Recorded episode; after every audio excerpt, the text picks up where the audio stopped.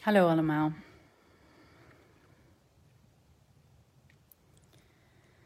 Tijd voor een live. Hm. Wat is de bedoeling van het leven? Wat hebben we te leren in dit leven? Wat brengen ons uitdagingen? Wat brengen vijanden? Wat brengt conflict? Wat brengt ellende in ons leven? Mijn ervaring is dat het grootste goed wat we te doen hebben in dit leven is dat we volledig aanwezig kunnen zijn. En daarbij bedoel ik dat je helemaal in je lijf kunt zijn, want in je lijf ben je in staat het grootste genot te ervaren.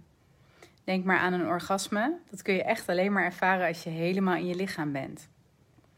Op dat moment ja, ben je één, ben je licht, ben je extase.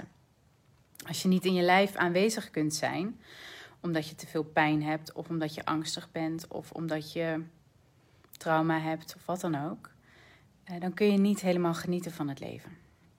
En dan kun je, ben je niet soeverein, dan ben je eh, niet in staat om vol in het leven te staan ehm, en je kracht tot uiting te laten komen. In mijn leven heb ik best wel wat tegenslag gehad.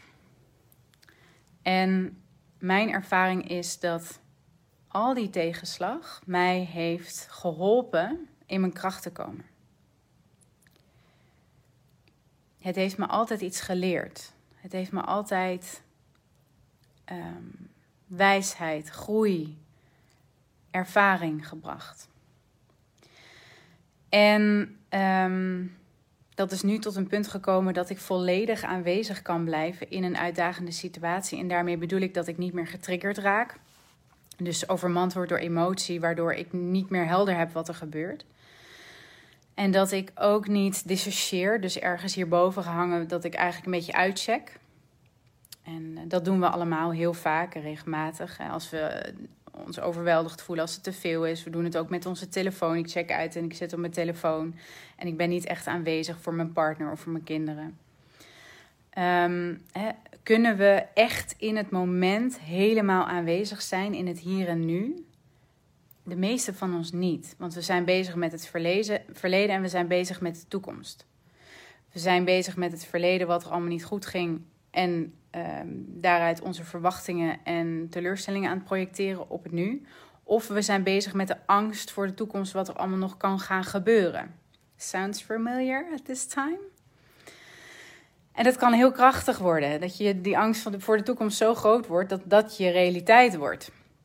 Maar als jij in het moment nu bent, helemaal aanwezig, dan kun je je nu afvragen: ben jij nu um, oké?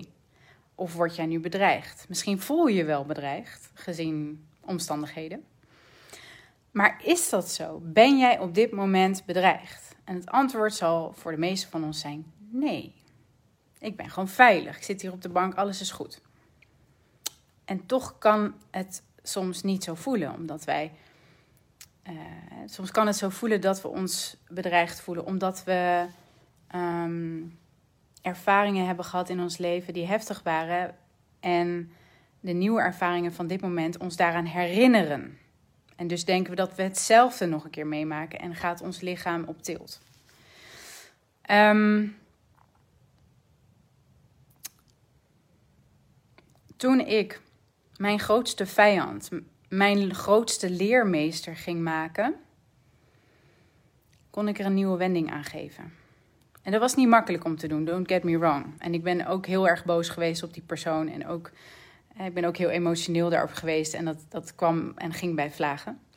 Maar eh, op het moment dat ik ervoor koos om diegene mijn grootste leermeester te maken, stapte ik terug in mijn kracht. Want ik nam de lessen aan. En als ik de lessen aanneem, dan kan ik groeien.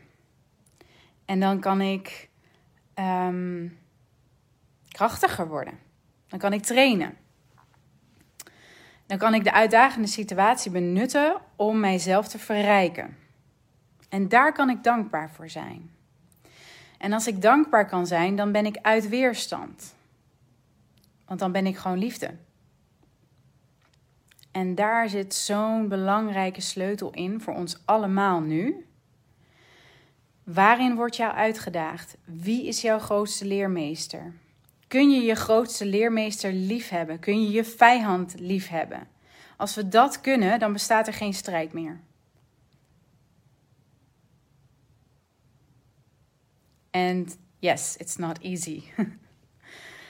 het is uitdagend en pittig. En het, ik zeg altijd tegen mijn klanten: het betekent dat je de arena ingaat. En dan moet ik denken aan de film The Gladiator. En dat is een lange film, die duurt echt lang. En dan, ik weet niet, Russell Crowe zegt op een gegeven moment dan: oh, Moet ik nou alweer? Ik ben er echt wel klaar mee.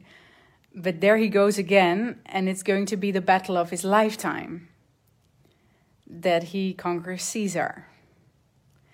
En iedere keer in mijn leven dacht ik, oh, zou dit de laatste zijn? Zou ik nu voor dat zou dit de laatste keer zijn dat ik de arena instap? en nee hoor, natuurlijk was dat niet zo, want het ging gewoon verder. Maar ik werd wel steeds sterker en handiger en ik kon steeds meer ruimte innemen. En op een gegeven moment kreeg ik er ook een klein beetje plezier in zelfs. En op een gegeven moment kon ik andere mensen ook gaan leren hoe je dat doet. Ondertussen had ik ook geleerd dat als ik niet in de arena stond, ik heel goed voor mezelf moest zorgen. En mijn wonden moest likken, mezelf goed moest verzorgen, mezelf goed moest voeden. Zodat op het moment dat ik weer de arena ingeslingerd werd of instapte, dat ik wist: oké, I'm ready to go. And maybe I can even be excited about it. En vroeger was het nog zo dat de angst echt over me heen golfde van oh nee, nu moet ik weer een gesprek aangaan of iets doen wat ik heel lastig vind, hè, trauma aankijken. Um, en dan kon het me helemaal overspoelen. Maar inmiddels voelt het meer alsof ik ga optreden op de bühne, uh, moet gaan staan en dat het dan spannend is. Maar ook dat je weet, ja, ik kan dit wel. Ik kan dit wel. Laat het maar beginnen, want als ik er sta, vind ik het oké. En dan, dan then I'll take the lead. En dan weet ik wat ik moet doen, want ik heb al mijn oefeningen gedaan en ik ben voorbereid. Ik heb mijn spieren goed getraind. En um, het betekent ook dat ik mijn vijand ben gaan omarmen. Een leermeester kun je omarmen, een vijand is lastig. En op het moment dat je je vijand of je leerme tot leermeester maakt en die kunt omarmen, dan um, valt er zoveel weg. Zoveel gedoe, zoveel ruis. Uh, er komt zoveel meer kracht. Uh, want stel je voor, je stapt in de arena en je wil je, uh, je gevechtspartner niet aankijken. Dan heb je het zwaar. Want dan weet je niet vanuit welke hoek die gaat aanvallen. En in mijn geval kwam de aanval via e-mail of via de post of via een instantie of weet ik veel wat. Um, ik kwam, wist nooit waar die vandaan kwam en ik wilde dus op een gegeven moment ook niet meer mijn post of mijn e-mail openen, want dat was te heftig. He, dan ging ik dat ontwijken. Alleen dan had ik later ook wel een groter probleem, want man, zoveel uh, berichten waar ik mee uh, moest dealen. Um, of zo leek het.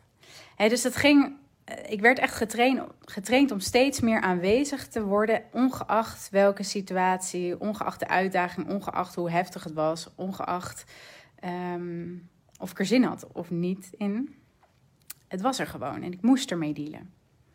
En het heeft ervoor gezorgd dat ik ben gaan mediteren en dat ik um, conditioneringen ben gaan doorbreken. Dat ik heb geleerd hoe geef ik mezelf op voor de, voor de ander en om dat niet meer te doen. Ik heb onderhandelingstechnieken geleerd. Ik heb geleerd om niet meer in mijn emotievalkuil te stappen en in die trigger dat je overspoeld wordt door emoties en dat je alleen maar heel heftig gaat reageren. Ik heb geleerd om achterover te leunen en heel goed te luisteren. En dat is heel moeilijk als het om je vijand gaat. En dat betekent alleen niet dat dat luisteren ook betekent dat je er naar diegene luistert als dat diegene gelijk heeft, maar dat je gewoon hoort wat hij zegt. Dat hij hoort wat zijn belevingswereld is en, en zijn uh, visie, zijn blikwinkel, zijn perspectief. En hoe meer je dat doet, hoe meer je inzicht ook krijgt in die wereld. En een beetje begint te snappen waarom die persoon zo handelt. Um, ja, want we zijn heel erg geneigd om de vijand ook allerlei labels te geven. Uh, kan je vertellen, heeft niet zoveel zin. um, want uiteindelijk um, ja, zul jij er toch mee moeten dealen. En of die labels wel of niet heeft, uh, maakt uiteindelijk niet zoveel uit. Uh, als jij de ruimte kunt vinden in jezelf om die ander enigszins te gaan begrijpen. Ik zeg niet dat hij dan gelijk heeft. Ik zeg ook niet dat de daden of acties goedgekeurd zijn. Maar als je die begrijpt en zijn visie gaat um, accepteren voordat hij of zij dat in elk geval ziet als waar, dan uh, hoef je daar ook niet meer mee in gevecht. Als je kunt accepteren dat de ander zijn visie heeft en je hoeft daar niet mee akkoord te gaan, dus jij mag gewoon jouw visie hebben, dan hoef je er niet meer mee in gevecht. Dan kun je gewoon zeggen: aha, interessant standpunt. Ik heb een andere visie. Die liggen dan naast elkaar op tafel. Maar omdat wij vaak het gevoel hebben dat we ons eigen stuk niet op tafel mogen leggen, um, gaan we dus vechten en duwen en trekken. En dat schiet niet zoveel op. Het kost je heel veel energie en je krijgt heel veel ruzie. Um, we zitten nu, denk ik, in een tijd waar we collectief worden uitgedaagd om onze eigen visie op tafel te leggen. Zonder dat we die van een ander van tafel moeten schuiven. Want dat is strijd. Jij hebt net zoveel recht op jouw visie en jouw mening en jouw um, ja, behoeftes of zienswijze als een ander. En als jij een ander gaat bevechten om zijn zienswijze, dan bevecht je ook jezelf. Het is altijd zo, wat een ander in jou raakt, dat, daar twijfel je nog aan in jezelf, vaak. Dus als jij een ander niet hoeft te bevechten, hoef je jezelf ook niet te bevechten. En dan kun je het gewoon neerleggen en zeggen, ja, dit is waar ik voor kies. Ik zie dat jij voor iets anders kiest. Oké. En dat gaat dus allemaal een stuk makkelijker als jij die ander niet meer zozeer als vijand ziet, maar veel meer als je leermeester. Hij daagt je uit. Hij laat je zien waar je nog in jezelf hebt te geloven en waar je nog zelfliefde hebt te brengen, zodat jij aanwezig kunt zijn in het moment. Want als jij aanwezig kunt zijn in het moment, ben je krachtig. Dan kun jij helder nadenken. Dan kun jij voelen wat klopt voor jou. Dan kun je je hart voelen. Dan kun je je oorinstinct voelen. En dan heb je ook echt alle energie en kracht om te zeggen: ja, dit is waar ik sta. Daar ga ik voor. En dan hoef je het niet te verdedigen, dan hoef je de ander niet te overtuigen, dan hoef je niet allerlei argumenten naar voren te brengen, maar dan is het dus gewoon: ik zie, uh, dit is jouw visie, aha, interessant, en dit is mijn visie. En that's it. Um, ik heb jarenlang, ben ik best wel, heb ik echt ontzettend mee mm, geworsteld dat ik zo'n. Uh, nou, dat ik een vijand had en dat het zo zwaar was en dat het zo moeilijk was. En nu denk ik, wauw, wat heeft het me veel lessen gegeven. En wat heeft het me in staat gesteld om mijn leven te verrijken. En nu hoef ik helemaal niet meer het brave meisje te spelen. Ben ik gewoon oké en heb ik een heel vrij leven Ondanks dat er allerlei maatregelen van kracht zijn. Ondanks dat ik allerlei mensen om me heen heb waar ik in zekere zin van afhankelijk ben, voel ik mij toch vrij. En ben ik ook vrij. Um, omdat ik mij mag uitspreken. Omdat ik mijn visie mag hebben. Omdat ik mijn mening mag hebben. En omdat ik mijn wensen mag hebben. En omdat ik mijn grenzen mag hebben. En vroeger mocht ik dat allemaal niet van mezelf. Door mijn conditionering, door mijn opvoeding, door hoe ik ben opgegroeid. En daar kan ik ook wederom heel boos over zijn dat dat zo is geweest. En dat ben ik ook geweest. En dat is ook een hele goede fase om erheen te gaan. En nu, op een gegeven moment wist ik, ja, ik ben volwassen. Ik zal ermee moeten dealen. En ik zal het ook moeten aangaan.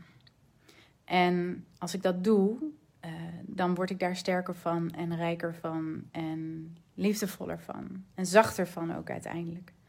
Want dat is voor mij heel lang een vraag geweest. Hoe kan ik aanwezig blijven zonder mijn grenzen op te, op te geven? Hoe kan ik ehm, niet meer verzwemmen met de ander en uh, eigenlijk al meegaan met de ander voordat ik weet wat ik zelf wil? Dat is lang een probleem geweest voor mij. nou, daar heb ik nu echt geen last meer van. Het gaat nu heel goed.